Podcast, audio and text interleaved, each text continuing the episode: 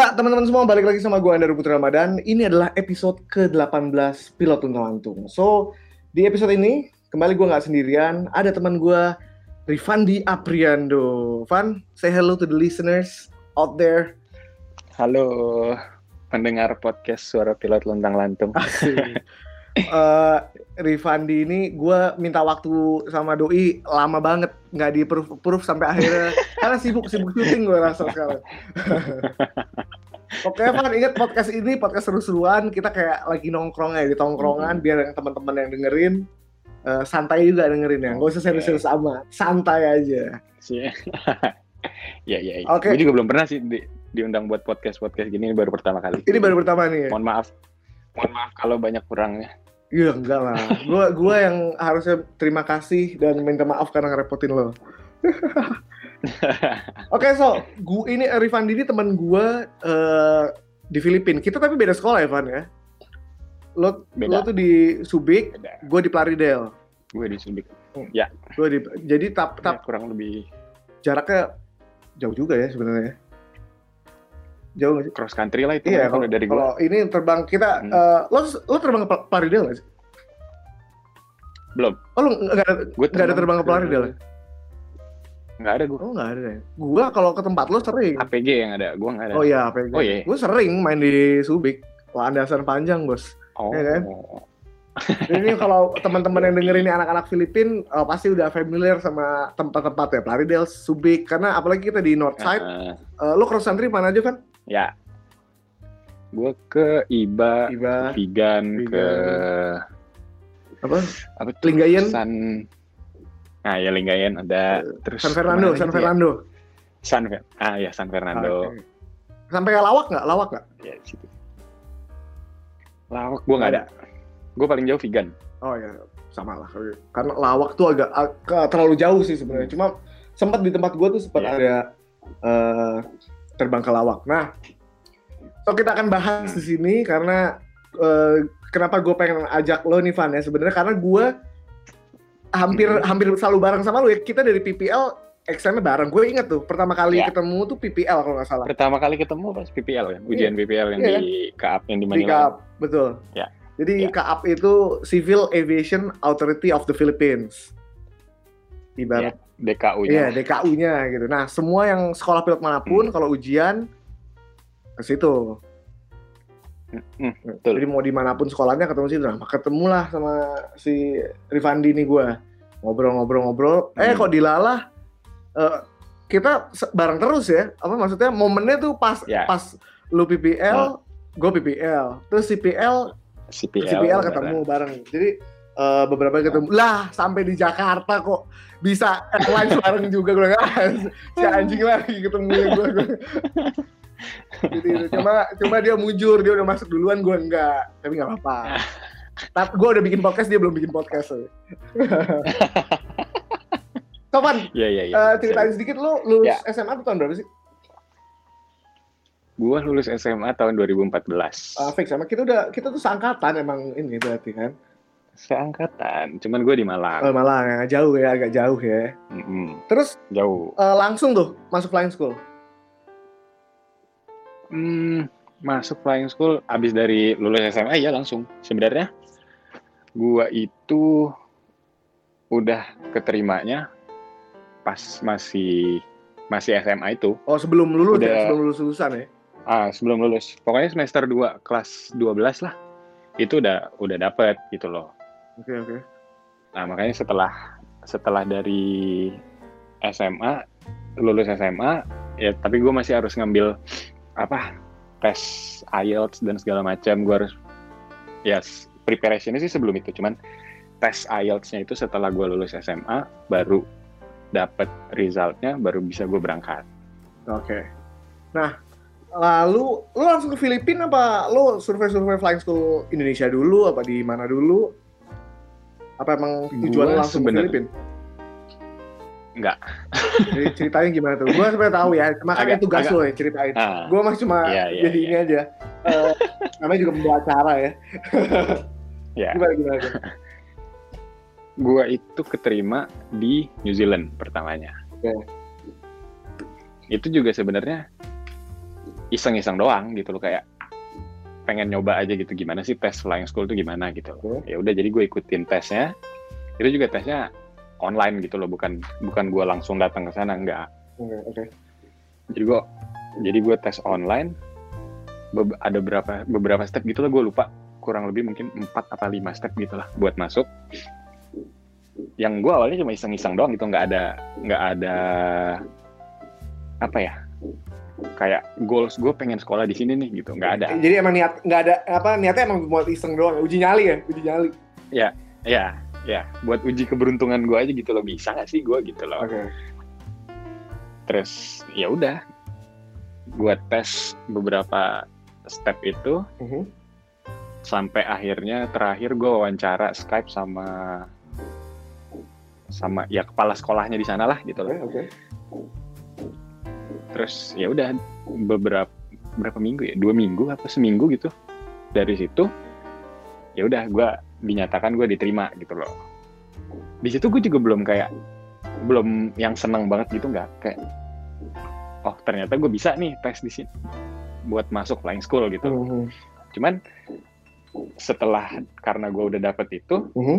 kemampu apa ya kayak niat gue buat nyari yang lain nggak ada Karena lo udah punya pegangan lah ya ibaratnya kan. Nah, karena gue udah punya pegangan ah ya udahlah ini aja lah gitu loh Oke. jadi kayak gue nggak gue nggak explore buat ke school flying school di Indonesia di Filipina di mana nggak ada gitu loh ya udah akhirnya keterima di situ ya udah gue jalanin lah Terus sampai akhir lo pindah ke Filipina tuh gimana sih kisahnya, Bang?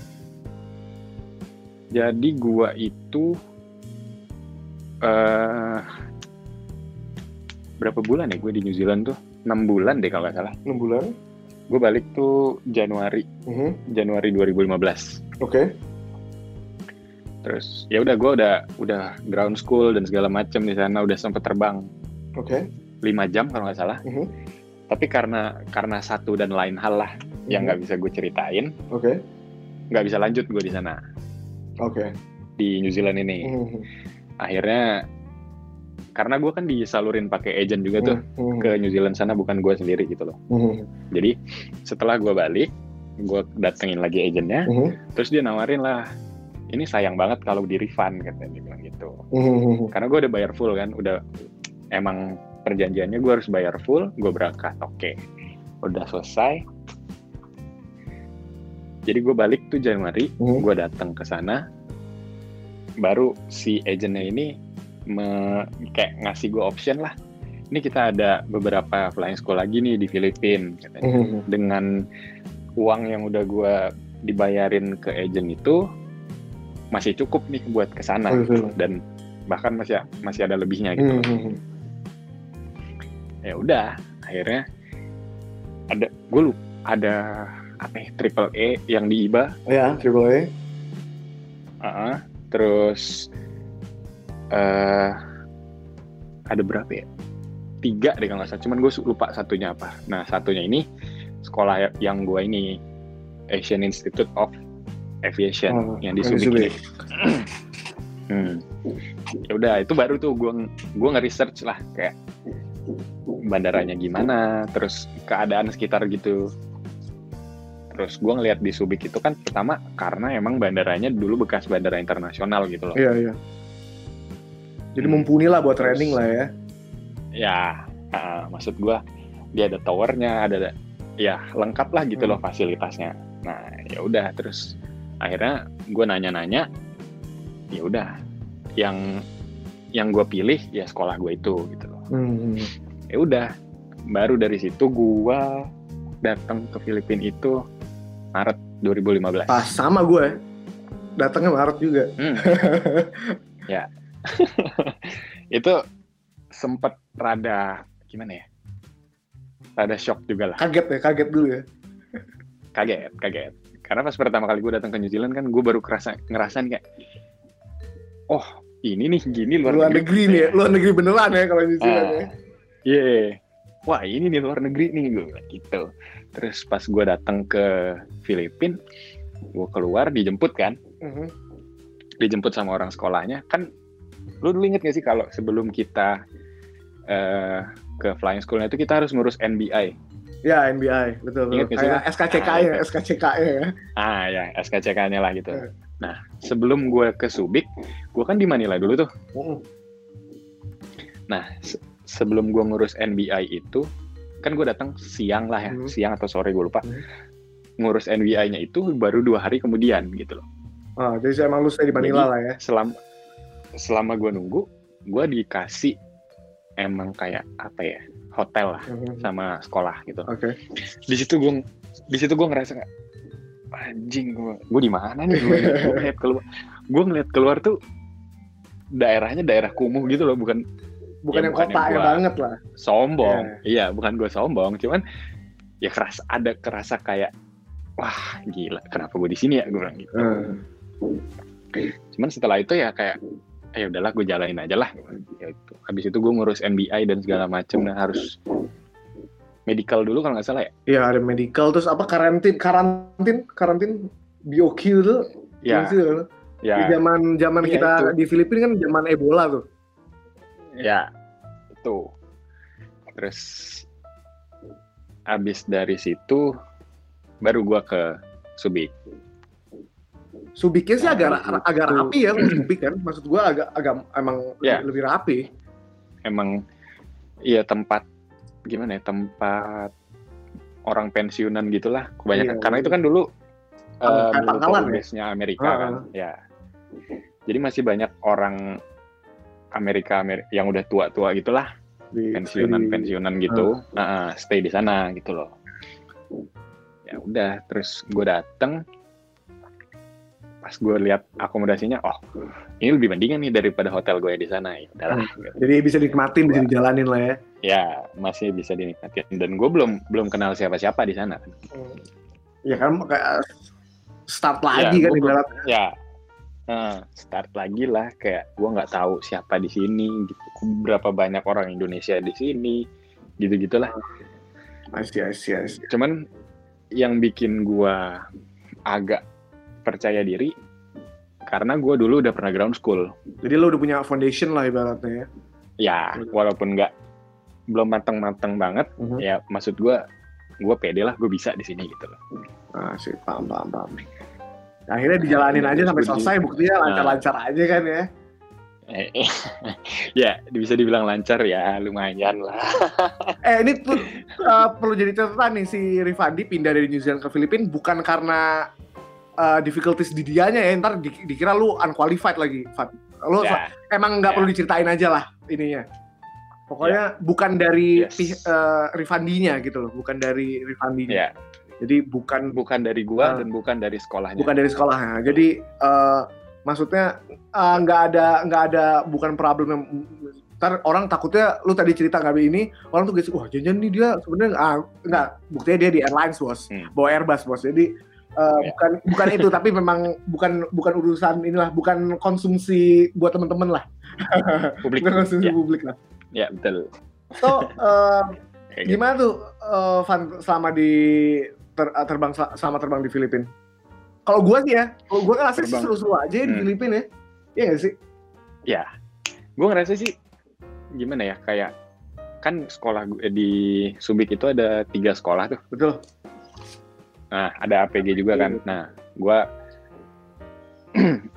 gue ngelihat kayak fasilitas sekolah gue dan APG dan yang lain itu maksud gue kayak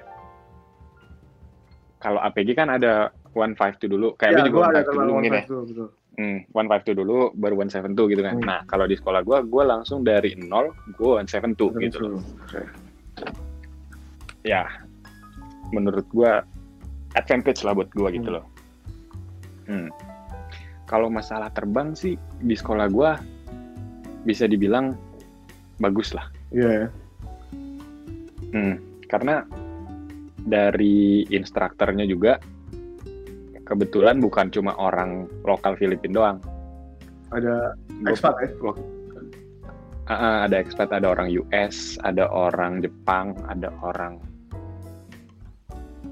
eh mana ya? Myanmar apa Vietnam gitu gue lupa. nah iya sih sih Itu ada gitu. Jadi emang uh, Filipina ini salah satu negara yang jadi tujuan uh, untuk orang-orang sekitar ya sekitar Asia juga lah ya untuk Hmm. sekolah pilot Ya. karena uh, Ya. sekolah pilot tuh banyak di Filipina dari yang aneh, yang Hmm. rangsak juga yang nggak jelas, kalau sampai yang, yang emang bonafit gitu.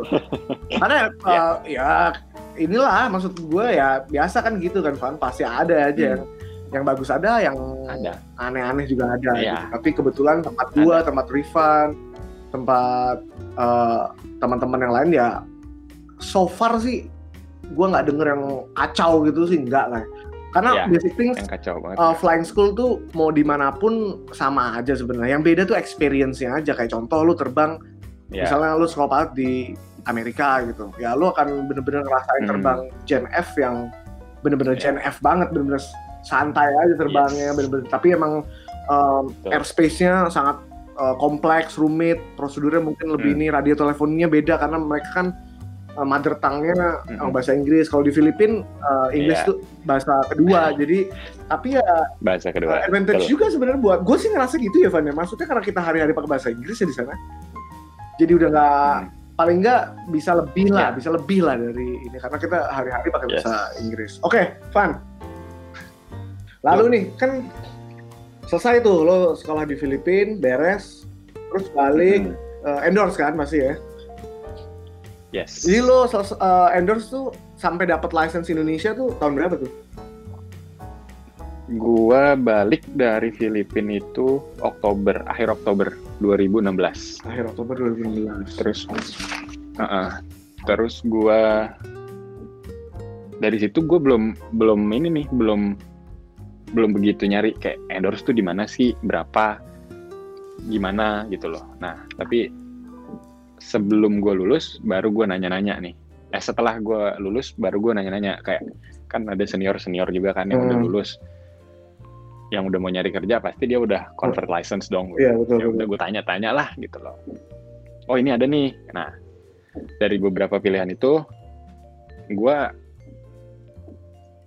gue sempet datengin ke tempat ya nggak semuanya sih, cuman ada beberapa tempat yang gue datengin. Buat compare-compare Terus, lah ya. Ya buat compare lah harganya berapa pasti ya harga udah Ngaruh banget ya. lu bayar parah lu bayar sekolah pilot udah mahal nih Ah, akomodasi lu makan di sana itu udah mahal tuh ah.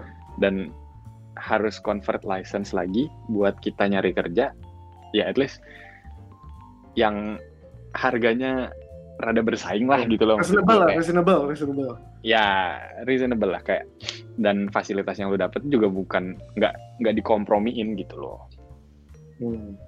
ya udah akhirnya gue endorse, dapet lah license Endorse. Indonesia. yes gue endorse Desember akhir dapat Oke. license itu Januari 2017 Oh, cepet lah ya, termasuk cepet lah. Lo ini nah, era-era kita nih, Van, bener-bener era-era eh, g- nadirnya penerbangan gua menurut gua ya. Klimaksnya memang si COVID sih kalau menurut gua. Tapi itu udah bener-bener Ya. crawling down lah, bener-bener falling bukan craw- crawling, falling lah bener. Eh, pada saat ya, sebelum sebelum tahun kita kita kan masuk 2015, 2014 tuh masih oke, pesawat masih Hmm. pesawat baru masih 2014 itu masih oke ya Iya kan masih pesawat eh, baru masih pada datang, lalu rekrutmen masih banyak, Iya. kesempatan di airlines Mm-mm. eh, masih terbuka lebar, belum ada Iya. eh, calo-calo, belum ada. Oh mau masuk ini, iya ini bayar, wah semua dijual, Iya. belum ada gitu-gituan tuh, belum kedengeran Iya. lah, Uh-uh.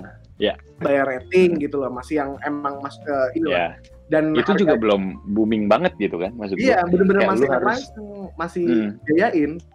masih mau ngebayarin dan kita ba- ngebayar mereka dengan sistem potong gaji gitu kan Betul betul, masih manusiawi lah saat itu. Nah pas ya masih bisa apesnya gue sama Rifandi pas selesai ya ini udah bener-bener das aja kayak gitu. seret Eh, lu lagi lagi seret-seretnya lu Hmm. kalau lu yang lu inget gitu ya mana ada nggak usah sebut merek nggak usah sebut ini. Lu udah nyoba berapa Hmm. Oke. airlines tuh udah udah berapa aja sama eh, mungkin satu airlines ada yang beberapa kali lu coba itu total total lu coba tuh udah udah berapa aja? total total berapa kali gue nyoba atau total berapa airlines Berapa airlines dan berapa kali di grand total aja? berapa airlines gue nyoba eh satu dua tiga empat empat Empat. dari empat airlines ada Empat. ada yang beberapa kali. Hmm, satu nggak dipanggil sama sekali. Oke, Satu udah tes sampai tahap terakhir nggak diterima. oke, Satu udah beberapa tes terus nggak keterima. Mhm. Terus yang terakhir ini gua udah nyoba tiga kali. tiga kali dan akhirnya keterima. Mantap gak? Tiga kali dan akhirnya keterima. Jadi Nah. total tiga, empat, lima, enam, enam kali. enam kali. Oke, Van. Sekarang gue tanya nih, lu kan tadi bahkan lu ada yang udah Hmm. tahap akhir, terus nggak keterima. Tuh rasanya gimana sih? Rasanya pas gua ya pas dikasih tau kayak kecewa sih pasti ada. Iya jelas dong. Jelas, gue kecewa. Aduh, padahal udah tinggal dikit lagi nih gitu. Iya. Maksud gue, gue udah ya gue udah ngerasa optimis. Oh, gue tadi nggak jelek-jelek banget kok gitu. Hmm. Maksud gue kayak Nah, bisa lah gitu. bukan overconfident ya, ini punya catatan nih. Ya, Kita tuh emang kita tuh Iya. harus confidence, tapi tidak boleh overconfidence. Kita tuh harus bisa nakar Ya. kemampuan kita Ya. tuh seberapa. Ya. Lanjut, lanjut.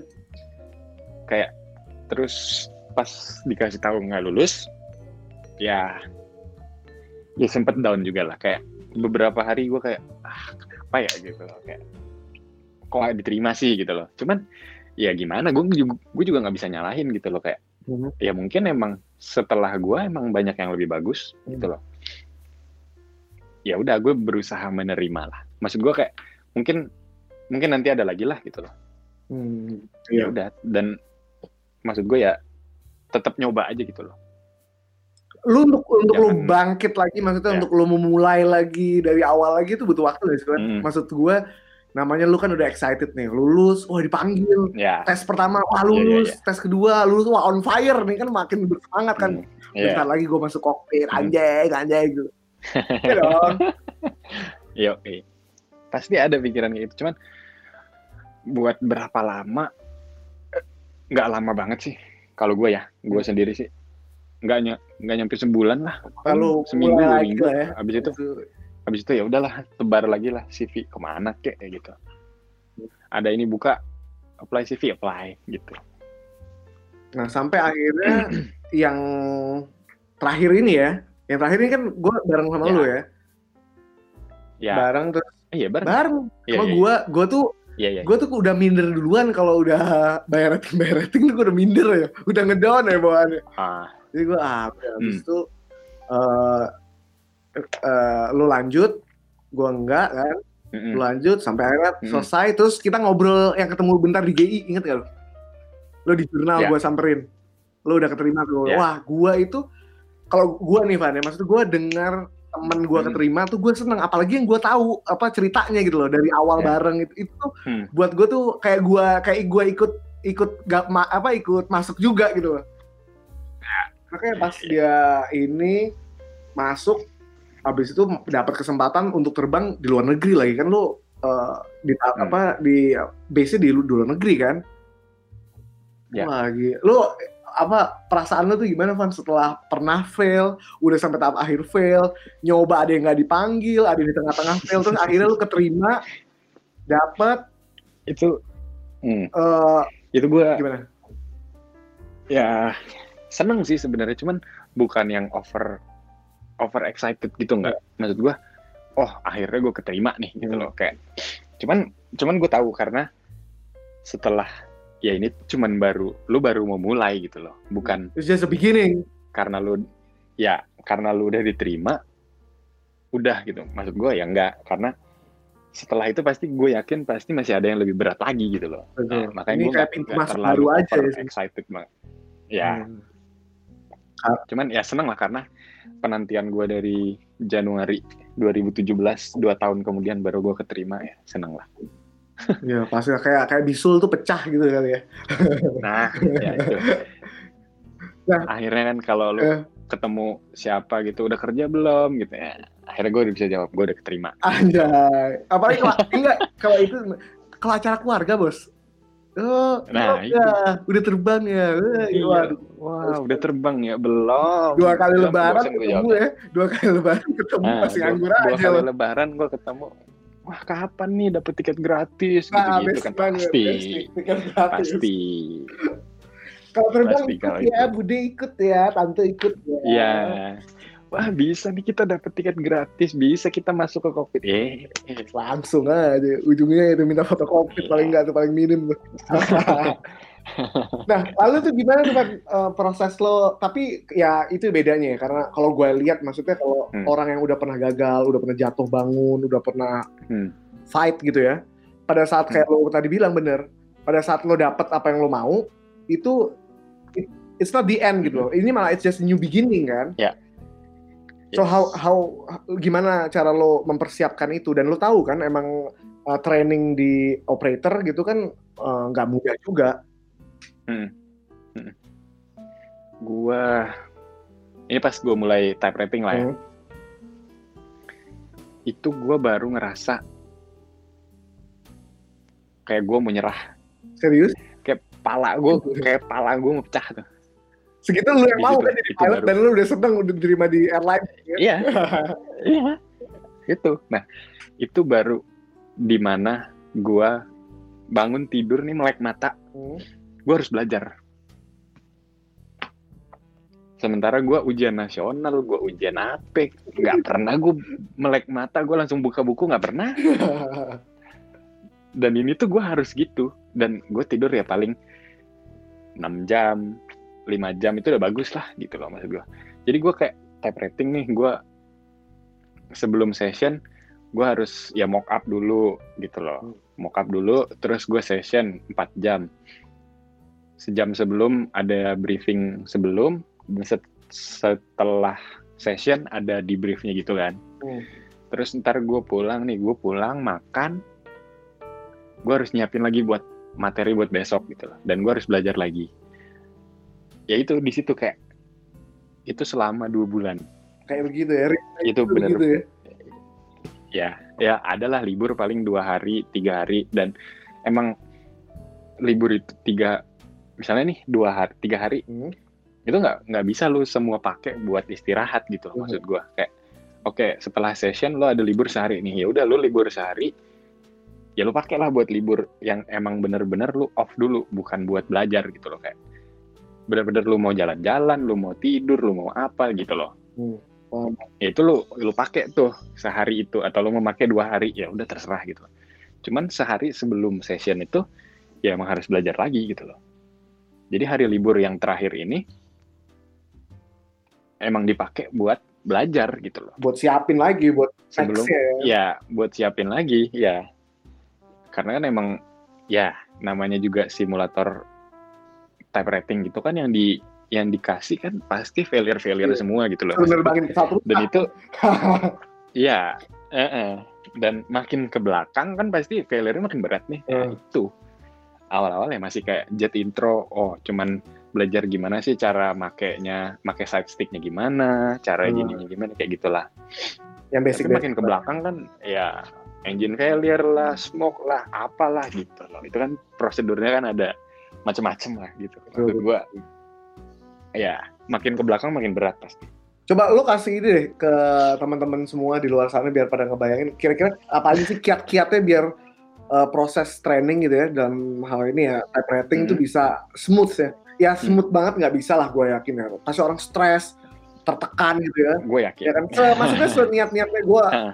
uh, lu kan emang udah pengen nih dapetin ini, akhirnya lu dapet, lu masih masih stres juga, masih gila juga gitu. ibaratnya. Masih. Apa kiat-kiatnya yang Ah, bisa ngebantu proses training? kalau dari kalau dari gua kemarin Mhm, karena pas gua mau type rating gue emang nol banget mhm, tentang Airbus mhm. jadi pas training emang semuanya lu langsung lu masukin kepala lu gitu loh jadi kayak maksud gua kalau kalau bisa Mhm. misalnya nih lo udah keterima Mhm. dan pasti kan masih ada mungkin ya anggap aja mungkin sebulan atau dua minggu baru mulai type rating gitu Mhm. ya baca-baca aja gitu lah ya. Kalau ya pasti kan punya temen nih kayak misalnya ada yang udah kerja di maskapai gitu, Mhm. pinjem apa minta Fcom-nya kayak atau apa gitu loh. Jadi lu maksud gua kayak familiarisasi diri dulu gitu loh Hmm. kayak oh ini nih yang bakal gua lakuin walaupun emang nanti prakteknya nggak begitu yang diuji pasti failure-nya semua self dan nggak mungkin ya. juga lo lang ya dan nggak mungkin juga lu langsung paham gimana failure-nya gitu loh maksud gua at least ada ada dikit lah gitu loh yang lu tahu gitu itu juga menurut gue sih mungkin lebih mempermudah buat type rating ya daripada yang nol banget kayak gue kemarin Jadi paling nggak punya basic knowledge. eh, ya. Kalau misalnya udah kelihatan nih, ah, kayaknya gue akan keterima di sini. ya Oh ini pesawatnya oh, Hmm. ATR. Oke, gue tanya-tanya deh sama Ya. temen yang udah bawa ATR. hmm, Ya. ininya gimana? Paling nggak lu tahu mm-mm. eh, tombol ini buat gunanya buat ini posisinya di sini. Ya. Itu tuh yang paling basic kan sebenarnya. ya iya itu pas gue mock up pertama kali gue masih ngeraba. Ini mana engine mode selector yang mana posisinya di mana gue nggak tahu. Iya. gue itu dan maksud gue kayak pasti banyak lah ada teman-teman yang di ATR di Airbus di Boeing gitu gitulah mungkin walaupun kalau lu nggak dapet eh Fcom atau apanya mungkin ya bisa tanya aja gitu. Loh, kayak eh pertama kali itu ngapain sih kayak gitu maksud gua ya at least ada bayangan dikit lah Kebayang. Pokoknya prepare Hmm. prepare yourself lah ya. Nggak ada salahnya lu nyicil-nyicil, Ya. baca-baca dulu sendiri. Nanti pas waktu trainingnya lo tinggal ibaratnya tinggal ngebentuk aja nih. Karena lo udah fondasinya Ya. udah ada nih. Yap, Oke. betul. Terus Wan, eh, lu kan Hmm. kerja di luar negeri nih ibaratnya. Udah lalu sekolah di luar negeri, Ya. balik, ya, Mm, udah, di luar negeri lagi, ngerantau lagi nih. merantau lagi gua iya. Eh, rasanya gimana sih itu terbang di eh, apa perusahaan asing gitu dan lalu ra- gimana terbang sama kru yang non Indonesian gitu? Ya walaupun gue yakin kilo kita nih kan udah biasa terbang sama Hmm. non Indonesian lah ya pas training segala macam. Tapi kan ini di airlines beda nih. Gimana sih? Eh terbangnya gimana ya gue pertama kali datang ke headquarternya. Hmm. ya karena emang basicnya perusahaan ini fun and friendly gitu loh. Mhm. jadi gue ngerasa kayak ya udah gue bukan di tempat asing gitu loh bukan yang kayak eh ter, gue ngerasa tertekan gitu nggak ya gue datang pertama kali ya udah. Dia dia juga, mereka juga welcome ke kita. Terus ya udah langsung kayak dituntun oh nanti harus ini ya harus ini ya harus ini ya dan gitu. Ya udah tinggal ikutin step-stepnya aja gitu tanpa harus ngerasa lu ke pressure gitu loh kayak wah gue anak baru nih gue harus kayak gini gitu. Nah, Hmm, see. gue ngerasanya gitu sih. Nah terus kalau buat masalah terbang eh gimana ya pas training training ya namanya instruktur ngajarin ibaratnya anak monyet lah ya yang yang belum pernah ya lu lu tuh cuma baru di simulator doang gitu loh belum pernah masuk ke ini lu terbang lu bawa penumpang nih di belakang ada 180 orang nih gitu. Mhm, mhm. ya jadi kalau kalau kitanya bego ya wajar dong kalau dia marah gitu loh. Maksud gua ya kan yang diutamain emang keselamatan mereka kan gitu loh. Ya ada sih kayak momen di mana gua ngerasa bego banget ada. Dan gimana gue udah lagi keep up keep up spiritnya itu loh. Lagi line training gitu kan. Mhm. ya nggak tahu nggak tahu kenapa. Tiba-tiba gue ngeblank aja gitu kayak ditanya susah ngejawab. Gua eh pokoknya susah deh flow-nya agak susah. Terus semua semuanya tuh lagi nggak nggak connect gitu loh maksud gua. Adalah di satu hari di mana gue ngerasa down banget di situ dan ya instrukturnya marah lah. Mhm. cuman eh gimana ya maksud gua emang pasti bakal terjadi gitu loh. Ada lah momen-momen kayak nggak- gitu pasti ketemu ya. Ah, ah, ah. momen di mana hari lu lagi bagus banget nih, lu lagi dipuji banget Hmm. gitu loh. Pasti ada betul betul momen di mana lu ngedown banget, lu dimaki-maki sampai lu serendah-rendahnya itu pasti ada. Cuman cuman gimana manage-nya aja sih maksud gua. Kalau lu dipuji, Hmm, ya lu jangan ngerasa besar kepala dulu gitu loh Hmm. maksud gua. Masih ada hari besok betul yang nggak tahu lu bakal gimana gitu loh. betul Dan eh gua kalau gue sih gue cuman gimana ya gue nggak nggak ngasih beban ke diri gue sendiri nggak gue harus bagus hari ini gue nggak gue nggak nggak gitu sih maksud gue ya gue ngelakuin semaksimal gue aja maksud gue kalaupun hasilnya yang maksimal gue tuh masih average, Mhm. at least besoknya berarti gue masih bisa nambah gitu loh maksud gue. Hmm. Gue pengennya slow and steady aja gitu loh. Jadi kayak Dan meningkat aja ya, jangan nih, tiba-tiba bagus, Ya. tiba-tiba jelek. ya Ya. Heeh. Maksud gue jangan kayak hari pertama lu 75, besok lu bisa naik 76, 77, 78. Jangan langsung hari pertama 75, hari kedua lu 90, tapi besoknya lu 80 gitu loh. Maksud Nah. gue ya kalau bisa lu slow and steady aja gitu loh. Jangan kayak jangan bangun tidur lu siap-siap gue harus bagus hari ini ya. Maksud gue ya udah lakuin aja sebisa lu, lu prepare se semaksimal mungkin. Ya udah. Setelah itu ya udah mau gimana lu nanti maksud gue karena seberapa bagus lu prepare Mhm. kalau mental lu nggak bagus lu di dalam cockpit juga pasti bakal hancur gitu loh Hmm, mental tuh ya perlu di ini ya. ya ya Nah, Van, lo tuh terbang ke Hmm. mana aja tuh selama di sana? Karena kayak kalau kita tahu ya kalau di terbang pesawat setipe itu gitu ya di sini kan, Hmm. Ya. uh, mostly ya domestik, uh, region paling Asia lah ya, Asia Tenggara terutama. Hmm. Kalau lu kan karena nih base di luar negeri, uh, ibaratnya Ya. perusahaan asing juga, itu ke mana aja tuh?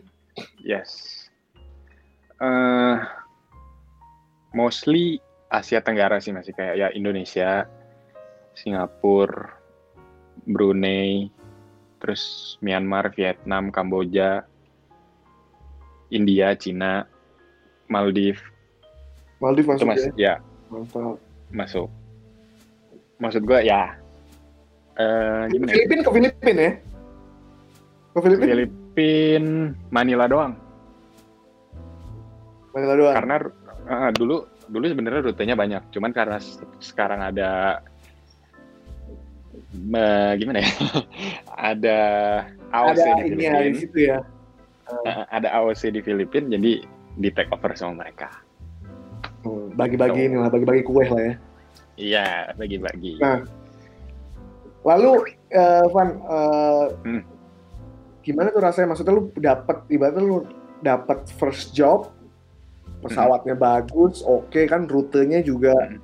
ya nggak semua, gue yakin nggak semua orang experience kayak lu nih, karena eh, ya, Ya. itu tadi ya, lu bisa ke beberapa negara, segala macem. Rasanya gimana tuh? Rasanya pertama excited sih kayak wih gue akhirnya terbang ke sini nih sampai gue dapat schedule Mhm. yang gue sebelum ngelihat schedule itu gue nggak tahu ini ini di negara mana gitu loh Kak.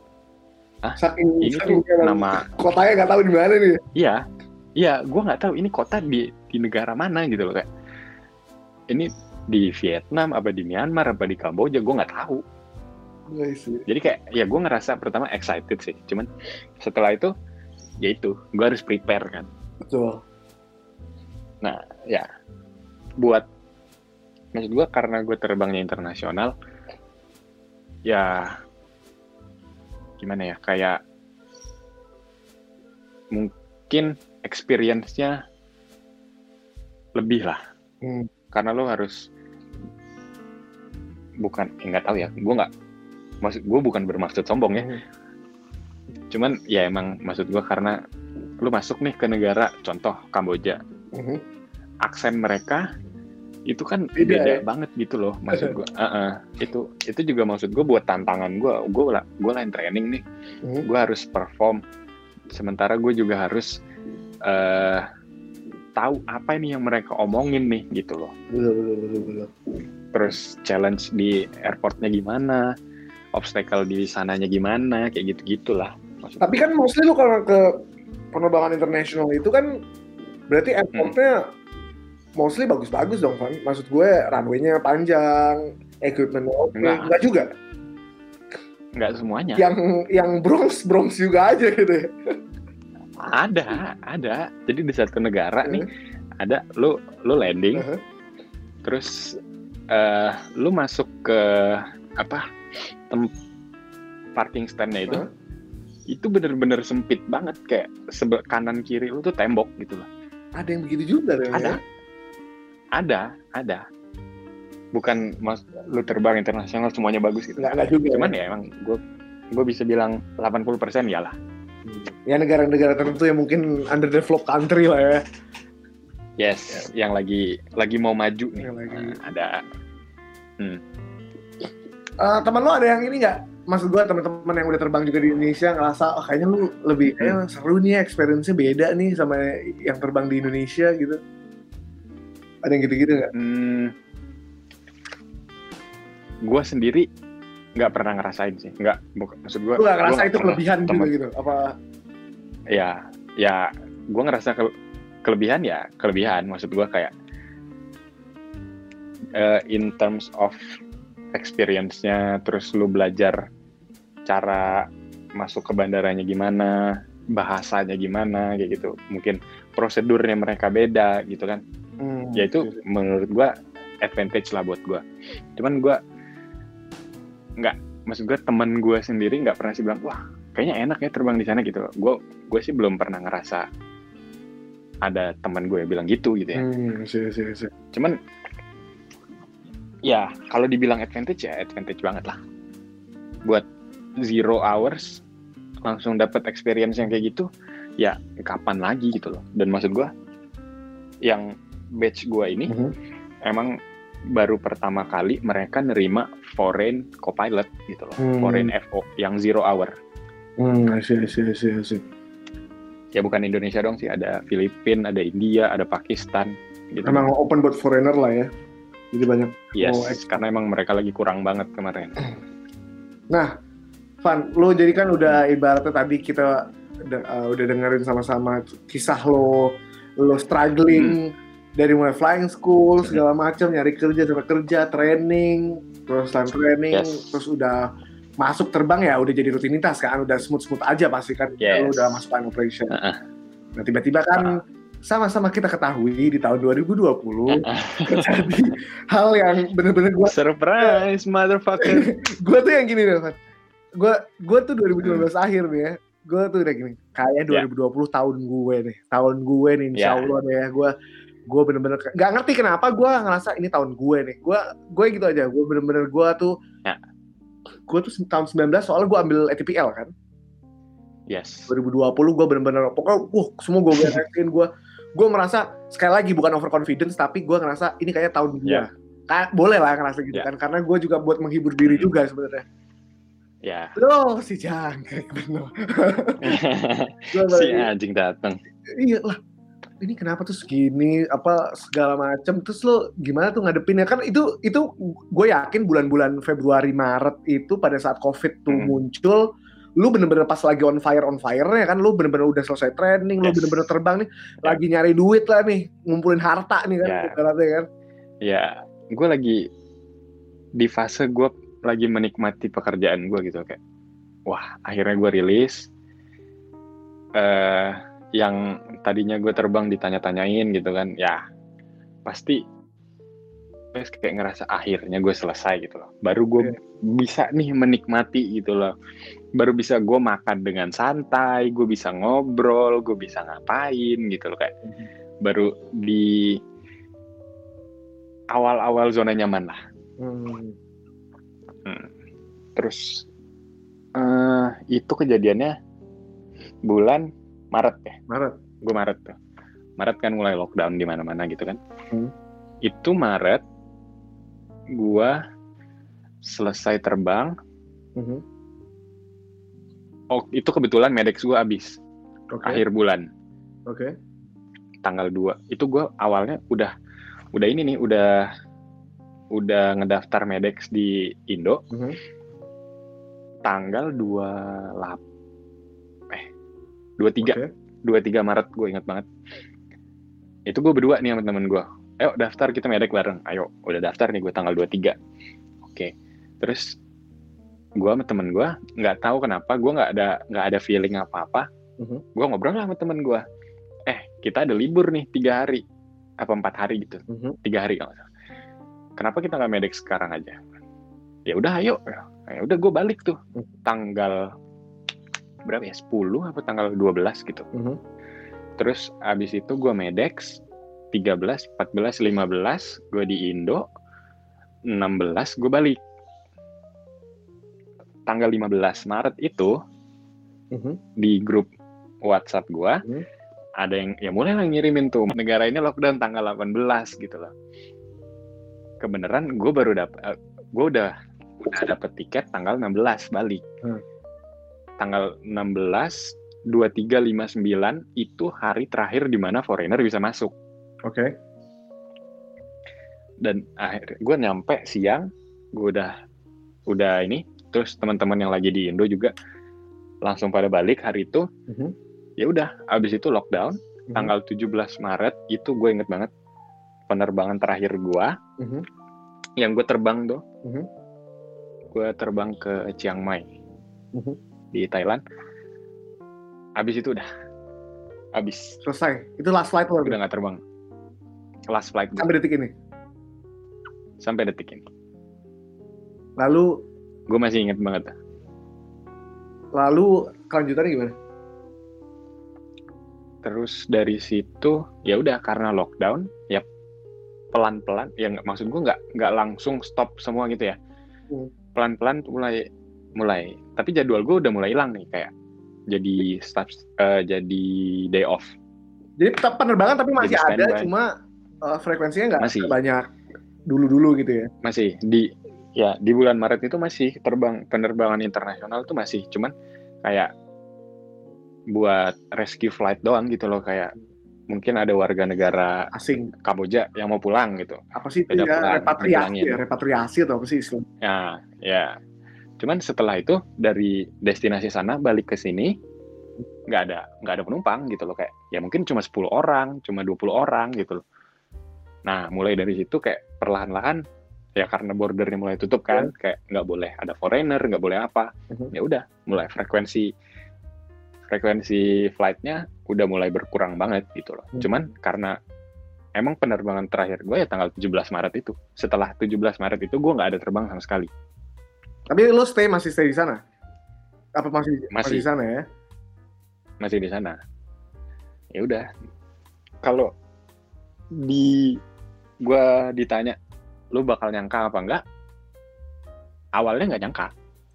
So. Cuman kan gua Maret tuh, April, Mei kayak gua nggak terbang-terbang, yang lain juga nggak terbang. Mhm. Sehari yang dulunya bisa 90 pesawat dipakai, sekarang cuma 10 gitu loh. Mhm. Sampai sedrastis Kayak- itu ya? sedrastis itu gitu loh kayak dan mereka juga tetap ngegaji gitu kan Hmm. Ya emang itu Ya, suffering lah ya, sempet- suffering lah itu. yes ya gue ya sempet mikir sih kayak mungkin bakal ada saatnya gua di gimana ya udahan Iya. gitu loh Bubaran ya. mau- bukan Bukan maksud bubaran, gua udahan. udahan. Ya. ya bukan maksud gua pesimis nggak maksud gua eh gimana ya Karena Ya, lu harus kelihatannya nyelamatin. emang apa ya, kelihatannya kan ibaratnya kan kita bisa ngeliat ya, kita bisa analisa lah. Hmm. Hmm. apalagi dengan berita-berita gitu Iya. kan Di mana ya aja, mulai mulai dunia kan. hmm. iya mulai juga kayak gue mikir nih kayak ya gue sebenarnya di situ gue bakal expect Mhm. cuman nggak secepat ini gitu loh Karena kan itu kan itu kan itu gue inget banget itu santer banget di mana pun dari mulai Timur Tengah, Europe, Australia, Mhm. Asia ya, semua region Mhm. itu kayaknya kepentok duar apa ini pertama tuh yang gila-gilaan dirumahkan lah yang gitu-gitu tuh industri penerbangan kan yang mulai Iya. dari ini wah gue Iya. kalau nggak salah seingat gue tuh Timur Tengah yang pertama itu apalagi yang Hmm. ekspat-ekspat kan waduh ya Tuh lu ketraktir Ya, gak sih, Van? Maksudnya ya walaupun lu udah expect ya, tapi kan maksud gue lu lagi Hmm. lagi di di puncak-puncak, eh, bukan di puncak, ya lagi nikmatin tadi kan. Ya lagi menikmati lah Hmm. maksud gue ya gimana ya? Expect sih expect lah. Cuman dan yang bikin gue mikir begitu karena posisi gue juga foreigner di di negara itu gitu loh. Gue bukan warga negara sana yang yang bisa diselamatin gitu loh. Hmm. kalau ada orang yang mau dibuang ya yang paling gampang ya foreigner lah. Sama kayak di Indonesia. Betul, betul, betul. dulu di maskapai-maskapai kan pasti banyak kan? Betul, betul, masih banyak foreigner kan? Lama-lama dikat-katin semua. Ya itu karena mereka yang paling gampang gitu loh. Dan itu posisi gua di sana. Dan apa itu gimana tuh? Maksud gua gua ini ini kalau ini teman-teman pendengar semua tahu gua itu Hmm. madek pas baca tulisannya si Rifandi karena gua abis ngeliat dia wah terbang nih rutenya aneh-aneh airportnya airport Hmm. di mana sih si anjing Hmm. gue bilang namanya aja begini bacain gue maksudnya gue lagi gue tadi tadi gue bilang gue gue senang juga gitu wah ini seru juga nih ya gitu Hmm. Lah terus tiba-tiba dia ngepost di IG, gue inget banget tuh panjang banget eh, kata-katanya segala macem. Gue tuh kayak padahal kalau dipikir-pikir saudara bukan, adik gue bukan, abang gue bukan, Hmm. tapi gue kayak wah ini kenapa gue langsung DM lu, gue inget banget gue langsung ini. Hmm. "Lu Ya, ya, Kenapa ya. bos gue bilang gitu? Ini iya Hmm. gini gini gini wah anjing gue ikut lemes dan ini terus lu tuh gimana tuh kan perasaan lu pertama kali pas tahu ya udah this is the time gitu itu gue sebenarnya jadi eh, background story-nya ya Hmm. pas eh, covid ini tanggal 18 kan malah itu lockdown tuh Uh-huh. terus dari situ flightnya mulai berkurang dan dimul eh company ini emang aktif gitu loh kayak dua minggu sekali mereka ngadain town hall meeting Hmm. buat update update keadaan company-nya gimana gitu. Oh. Jadi mereka ya transparan aja gitu loh. Terus itu April, Mei, Mei itu yang pas bulan Mei dua minggu sebelum itu Mhm. Ada town hall meeting. Mhm. Ya udah, cuman gue nggak nggak ada perasaan apa apa gitu loh. Mhm. Terus mereka juga masih update kayak oh ya kita masih masih bisa survive dan segala macem gitu loh. Jadi lo masih relax lah ya, masih ada ini. masih masih relax gue gue nganggur gitu gue tengah malam main PUBG gitu-gitu loh masih masih nyant masih nyantai-nyantai aja gitu loh nggak ada perasaan apa apa Hmm. terus eh setelah dua minggu kemudian ada town hall meeting lagi kan Mhm. nah di situ baru kayak dia mulai bilang kayak gue lupa kata-kata persisnya apa cuman dia nggak nggak bisa mempertahankan karyawan sebanyak ini gitu jadi 24 jam dari sekarang bakal ada retrenchment dia bilang Mhm. kayak ya pengurangan pengurangan karyawan lah gitu Mhm. Terus eh yang bakal kena yang di email katanya kalau nggak di email berarti nggak kena gitu loh itu gue masih ingat banget gue itu eh bangun tidur Mhm. itu town hall meeting jam 10 pagi tuh gue Mhm. bangun setengah 10 Mhm. ada ada temen gue kan eh udah mulai belum belum gue tidur lagi Mhm. gue tidur lagi sampai jam 10 terus temen gue bilang eh town hall-nya udah mulai ya udah gue nonton tuh di iPad berdua sama temen gue di meja makan Mhm. terus dengar berita kayak gitu langsung lemes gue sama temen gue udah nggak gue ngeliat lihat-lihatan aja nih sama temen gue cuman gue nggak ngomong apa-apa Iya sih kebayang Terus- sih. Ini gue dengerin cerita lo aja sengep juga bos. iya iya terus eh ya dia bilang kan 24 jam waktunya 24 jam dari sekarang gitu Hmm. maksimal Mhm. itu gue ingat banget selesai town hall jam 11 Mhm. selesai itu mau ngapa-ngapain udah nggak enak rasanya Iya lah, nggak ada yang ganjel lah tuh dengkul udah nggak udah nggak ada Ah, nggak ada dengkulnya. lu. iya lu mau pergi nggak enak mau makan juga males gitu loh kayak Hmm. ya udah udah gue habis dari situ ya udah kayak moment of silence aja gitu diam aja kayak merenung aja Wa- walaupun ya nggak tahu bakal kena apa enggak gitu loh Hmm. terus tiba-tiba gue lagi main HP gitu jam 3 sore masuk email. Follow up town hall meeting bla bla bla. Langsung gue sama temen gue ah anjing. Itu bener-bener langsung kayak wah drop banget gue Itu bu, langsung dunia di dunia ber- berhenti berputar ya kayak. Wah, iya langsung kayak anjing gue bilang ya udah terus langsung ngecek di grup eh pada dapat email nggak? Bla bla bla. Dapat semua ternyata. Wah. itu ingat banget. Jadi eh, dapat email follow up town hall meeting besoknya langsung. Besoknya kita disuruh zoom meeting gitu kan? Hmm. zoom meeting gitu cuma 30 menit. Ya menyatakan udah selesai di sini sampai di sini aja gitu loh. Wah di situ sih kayak ya gue nangis gue gue lemes banget itu. Iyalah kebayang maksud gue lu kan uh, ibaratnya tadi eh, lo penantian lo dapet kerja iya. lo nih training lo juga di babak belur juga ibaratnya terus lagi hmm. on fire on fire ini udah rilis tinggal di negara orang masih single duit banyak. Iya gitulah. Dari di situ gue ngerasa titik terendah gue di situ. Wah anjing. Ya walaupun bukan salah gue gitu loh. Emang keadaan gua, sih. Maksudnya kita nggak bisa nyalahin Iya. pihak perusahaannya juga emang semua perusahaan suffering Uh-uh. bos ya kan? Ya di awal-awal gue masih kayak nggak percaya aja gitu itu bakal wah gue gue baru nih gue baru ngerasain gimana gimana enaknya gimana gue bisa dapetin cita-cita gue gue bisa dapetin mimpi gue gitu loh kayak gue akhirnya terbang gue bawa penumpang gitu loh. Terus bisa tebar pesona ya di airport ya pakai seragam bawa koper Iya. ya di situ baru kayak wah anjing ternyata gini rasanya gitu kayak lagi mencari, Ah, terus mencari jati diri lah ya iya betul ternyata tapi lo kan dapat dapat kan Van, dapat kompensasi kan Mm-mm, dapat Iya dapat. Gua nih, gua sebenarnya agak ini kayak iya sedih-sedih. Tapi pas gue liat, lah si kampret katanya dirumahkan masih golf, kan masih main golf, masih ini kacau gitu. gue terus eh, jadi gue sama Rifandi sama-sama golf, tapi gue lebih duluan golfnya. Tetap gue harus lebih unggul. Gue gue duluan. Hmm. golf. ya ya ya ya, ya, terus ke mana akhirnya kita ayolah ngobrol-ngobrol nih ini lah akhirnya ngobrol sampai diving terus segala macem lah gue gitu. Ah, Makanya sedih-sedih, sedih, dirumahkan, ini segala macem. Nah, pas gue liat, anjir golf clubnya mahal bos, gue gitu. Bagnya bagus, gue bilang. Wah, ya itu, itu, itu one of, maksud one of ini Ya. yang maksud gue sebelum lo ceritain, nanti pas gue kata cuma eh Rifandi ini contoh, makanya gue ngeliat, gue ngeliat lo nih Rifandi ya.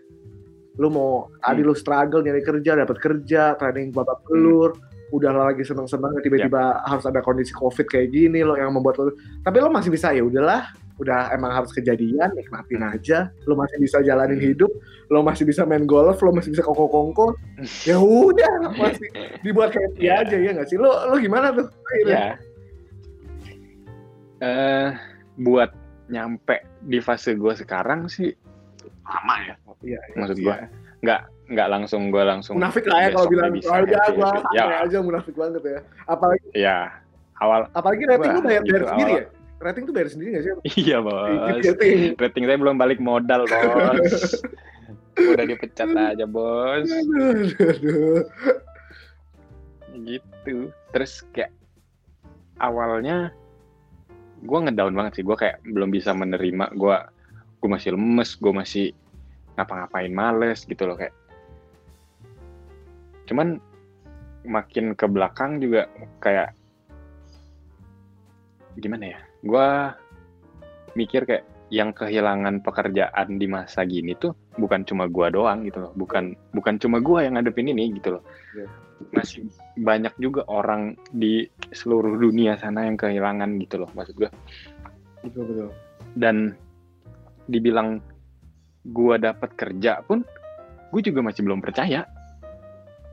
Kayak gue gue dapat kerja yang mungkin orang mikirnya agak skeptis juga kayak ah mana bisa lu zero hour di luar negeri? Gitu loh maksud gue Hmm.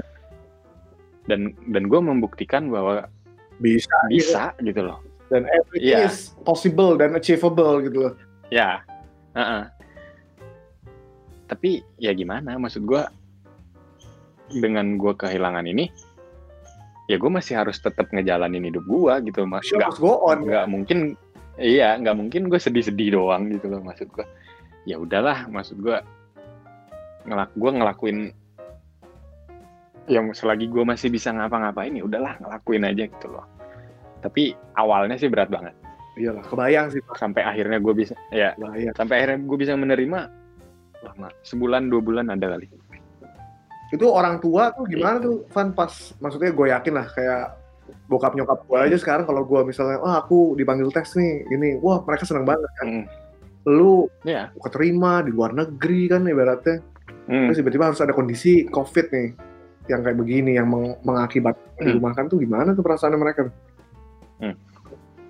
ya sedih pastilah cuman gua eh, pas gue bilang gitu ya ya nyokap bokap gue kayak berusaha tegar aja sih kayak ya udahlah emang emang keadaannya begini mau gimana lagi Tapi, bla, karena- gue gue ju Hah? karena gini kalau menurut gue apa ini tuh eh, ini sorry gue potong ya ini kan emang benca- bencana bisa dibilang bencana dunia ya dan orang tuh melihat Ya. memang impactnya tuh luar biasa ibaratnya Hmm. ada aja yang eh, eh, ada yang perusahaan kita nggak bicara soal penerbangan lah semua perusahaan ada yang Ya. pabrik gue ingat tuh yang di Hmm. Cikarang apa di mana dideklar gitu sampai pada Hmm. nangis semuanya. Karena kan ibaratnya Iya. bahkan nggak ngasih kompensasi nggak ada apa segala macam. Bener-bener Hmm. orang tuh ibaratnya ya udah diberhentikan bener-bener itu. Iya kan? Dan ya setelah gue bilang gitu ya nyokap dengan respon bokap nyokap gue begitu ya gue agak lumayan tenang lah gitu. Maksud walaupun gue juga nggak tahu eh, keadaannya. Nyokap mungkin nyokap gue nangis mungkin bokap gue nangis entah gimana gue gue nggak tahu gitu. Dan ya gitulah maksud gue ya gue beruntung sih maksud gue eh bokap nyokap gue juga mendukung lah kayak ngasih gue support lah. Hmm, support lo juga ya. Heeh. so di waktu yang sampai akhirnya lo di titik sekarang yang kayaknya kalau gue lihat sekarang kan lo udah ya udah biasa aja lah emang keadaannya gini pun Hmm, eh, hmm. eh, akhir sekarang lo apa yang lo, lo rasain sekarang? Dan maksudnya apa? Lo sudah membuka lembaran baru? Ya elah Eh, iyalah. membuka lembaran baru pastilah kayak ya gue apply ke mana ada yang buka ya udah apply ya. Balik lagi kayak gue baru lulus flying school lagi gitu loh. Tapi at least lu punya Hmm. experience ya. Di luar Iya. negeri lagi bos. Yang semua, mungkin nggak semua orang punya gitu ya dan tapi balik lagi gitu yang struggle buat nyari kerja bukan di Indonesia doang gitu. Betul betul. Dan walaupun gue udah punya experience ya gue punya experience. Cuma experience gue juga belum banyak gitu loh. Iya sih. Dan gue ngerasa kayak gue baru satu step doang lah di atas Abinisio gitu loh. Bukan yang gue udah di atas banget enggak maksud gue ya lah gue juga masih anak monyet baru gue gitu loh Hmm. gue juga terbang baru berapa bulan baru enam bulan tujuh bulan Hmm. ya itu apa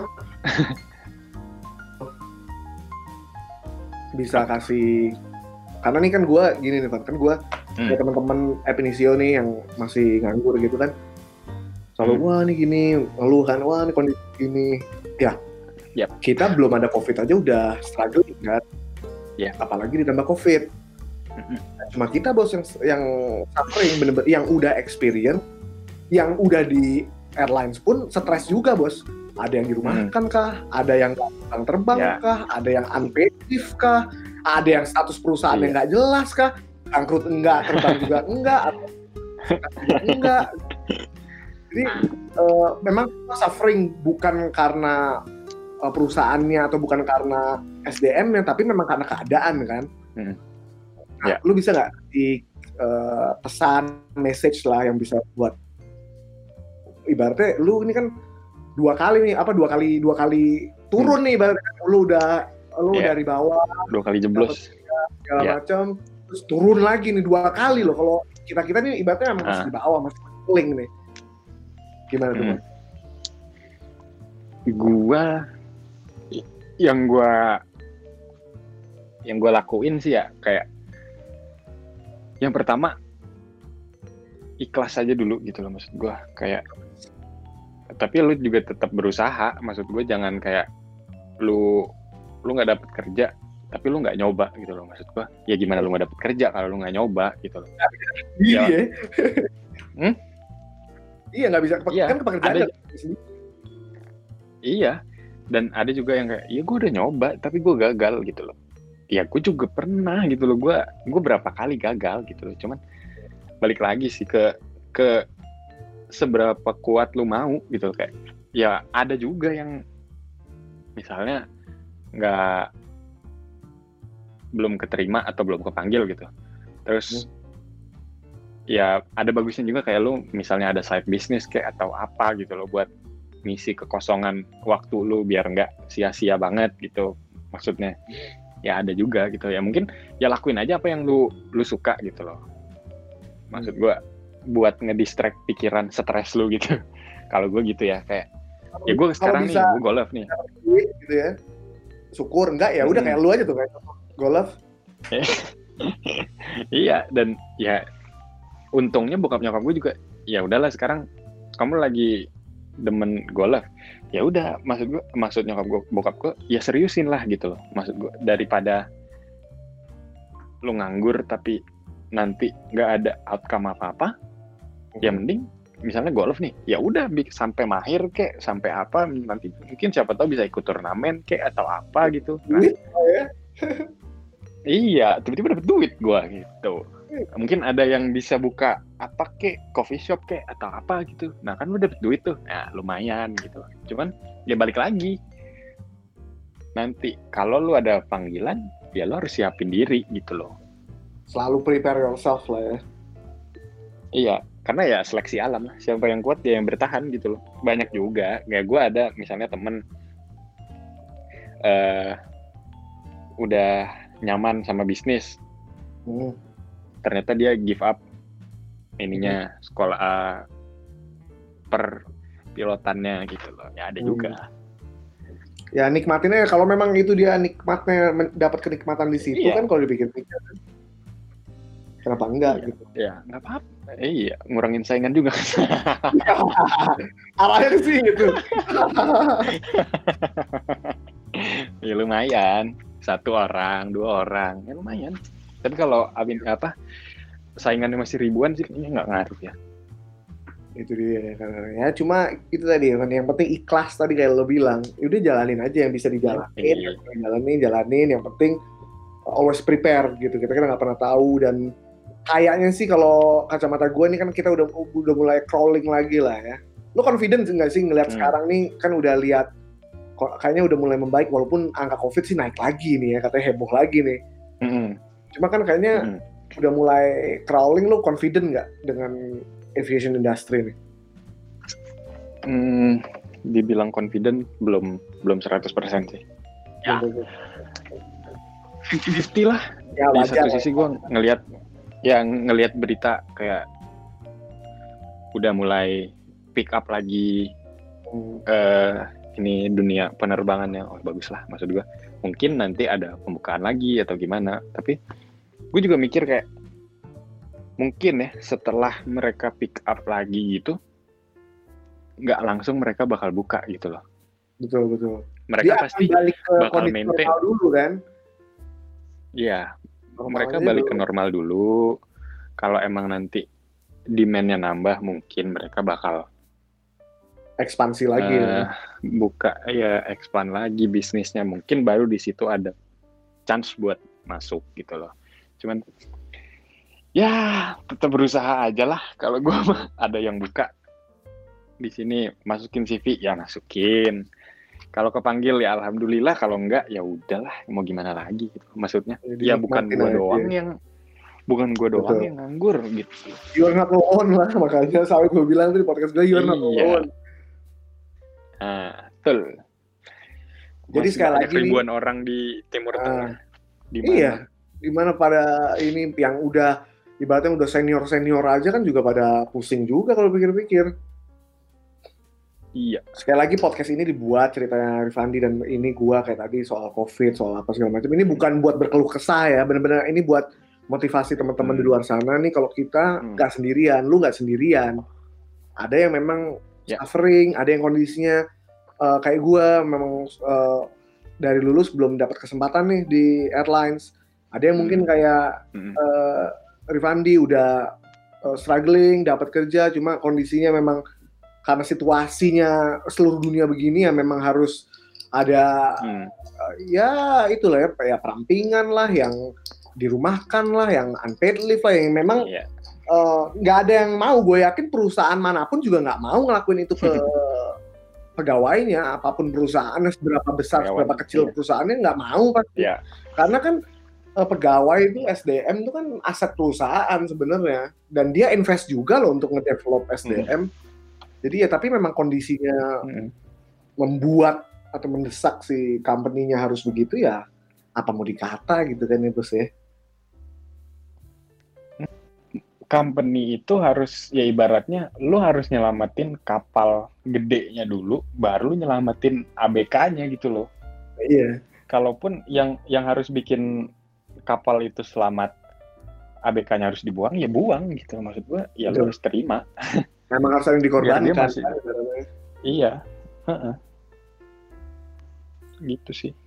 Uh, kita udah ngobrol, wah lama juga Van, gue bilang ke lu, selalu nih gue selalu kalau bilang ke orang, bikin podcast sama teman-teman yang gue ajak ngobrol, ya paling setengah jam, abis itu ngalur ngidul, tadi emang ada yang kita omongin gue briefing ke lu, nggak ada kan? Iya iya iya. Jadi iya. seru lah, tapi apa apa menyenangkan lah ngobrol sama lu, maksudnya lu juga mau terbuka dan lu mau berbagi sharing apa, sebenarnya ini sejujurnya ini bener-bener memotivasi sih buat buat teman-teman, gue yakin yang dengerin, ibaratnya dia akan ngerasa Hmm. oh iya nih orang aja udah gini aja ya udah sekarang fine fine aja bisa nikmatin.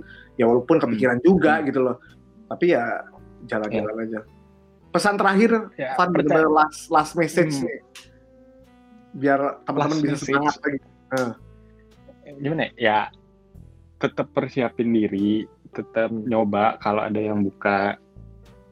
Kalau misalnya ada kesempatan ya lu udah udah ready gitu loh buat buat tes.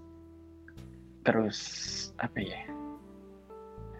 Kalau gue sih sekarang mikirnya ya percaya aja rezeki nggak bakal ketukar udah Oh. lah. Gila. tuh. Jadi ini gua take notes tadi dari obrolan kita yang cukup panjang lebar ini tadi tapi Hmm. bermanfaat nih gue yakin lo Nah, lu tuh ya semoga bermanfaat lah bermanfaat lah pasti lah. Apalagi podcasternya kan gue. pasti bermanfaat. Nah, jadi gila Eh, podcaster DJ apalagi nih cover yo usaha usaha apa aja diusahain. Tadi ah. lo mention uh, lo harus punya mental yang baik pada saat lo masuk di dunia kerja. Apa pun pekerjaannya, apa lebih lebih lebih pilot gitu ya. Lo harus punya men- uh, mental uh, yang kuat lah ya. Nggak cuma asal ngomong doang, apalagi untuk jadi pilot. Ah, gue mau jadi pilot karena passion gue, karena gue ah nggak lah, inspirasi lah kayak gitu. Kedua, kalau memang kondisi lo ya. mungkin kayak gua, kayak Rifandi yang kondisinya lagi begini, ya udah harus ik- ikhlas, tapi tetap berusaha. Bukan ikhlas ya udah diem aja meratapi nasib. Hmm. No, doesn't make sense gitu. Yep. Apa kan ada kalaupun tadi? misalnya nih misalnya lu Hmm. udah keterima nih weh alhamdulillahnya keterima jangan Hmm. malu gimana ya lu lu jadi orang yang paling bego aja di sana gitu jangan malu maksud gua jangan misalnya lu udah keterima kayak lu tinggi diri kayak gua udah keterima lu mau apa gitu jangan Wah, maksud gua. Betul, betul, betul. tetap Bantu nih Ya, teman-teman lu yang belum juga nih kalau perlu kan. Iya, maksud gue kalau lu udah masuk nanti ke company, ya setiap company pasti kan treatmentnya beda. Mungkin ada yang pengen dihormatin. Ya lu, Hmm. ya kalau ada yang harus dihormatin ya hormatin lah. Jangan, jangan lu udah masuk tapi ternyata sikap lu jelek, ya mungkin bisa mempengaruhi lu juga gitu loh. Betul, betul, betul. Setuju, setuju. Wah, thanks a lot Mas Rifandi Apriando sudah sharing sama kita, sudah Sama, uh, motivasi. sama. Ini sih pure bener-bener motivasi sih karena maksud gue bener-bener uh, pra- uh, the thing is karena gue tahu lu Van, bener-bener lu strugglingnya Hmm. sekolah segala macam. Jadi pas gue tahu lu gini terus ini lu bisa sekarang happy happy aja dengan dengan segala macam cobaan dan ini ya maksudnya hambatan gitu ya. Ya, Mudah-mudahan cerita lu bisa motivasi teman-teman di luar sana. So, semoga. buat listeners film tentang lantung uh, mudah-mudahan podcast ini bermanfaat jangan lupa kalau uh, ini podcast ini bermanfaat, lo share ke teman-teman di luar sana yang emang mungkin sama-sama pilot kah, sama-sama nganggur kah, uh, sama-sama lagi Hmm. struggling nyari kerja, atau teman-teman yang emang Ya. uh, apa senang sama dunia penerbangan karena ini ya informasi lah informasi juga. Ini benar-benar bermanfaat, lo share. Ini benar-benar nih, Van, gua nggak ini lo nggak apa monetize apa mon apa yang gua aktifin buat nyari duitnya tuh nggak ada nih di podcast ini. Jadi Oh, benar-benar gua nggak nyari pure buat bagi-bagi aja gitu ya. Ah, buat bagi ilmu, buat sharing, buat motivasi, buat Iya, iya. intinya kalau gua share apa ngajarin atau apa gua nggak mau terkesan nguruin. Buat sharing, ibaratnya ayolah ini kayak kita nongkrong bareng, eh Iya. kita sharing bareng, mudah-mudahan bermanfaat. Jadi eh, apa aja makanya orang mau lu misal mau mas bikin yang ini dong atau yang ini gua gua pasti ini gua pasti ba- balas tuh di DM ada yang nge-DM gua atau apa pasti gua balas Hmm. kan. Bener-bener kayak ini salah satunya gua nge-push lu ayo dong Van ayo dong karena pada nanyain kan mas lu udah gak bikin podcast lagi ya mas? Waduh gua gak enak bos digituin.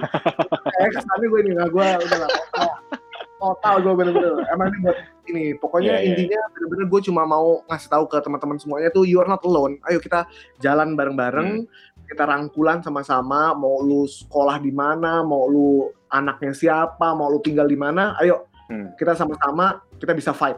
Kita bisa survive kita bisa bring uh, Indonesian aviation industry ini great again. Iya nggak? Amin. Amin. Mudah-mudahan kita expect uh, yang terbaik lah buat Indonesia khususnya untuk industri Ya, penerbangan di Indonesia bisa balik pulih. Oke, gue Anda Ruput Ramadan dan Van. Rifandi Apriando. Wah, dia, dia meleng. Uh, terima kasih. Semoga podcast ini bermanfaat. Kita jumpa lagi di lain kesempatan. Thank you semuanya. Bye. Thank you. Bye-bye.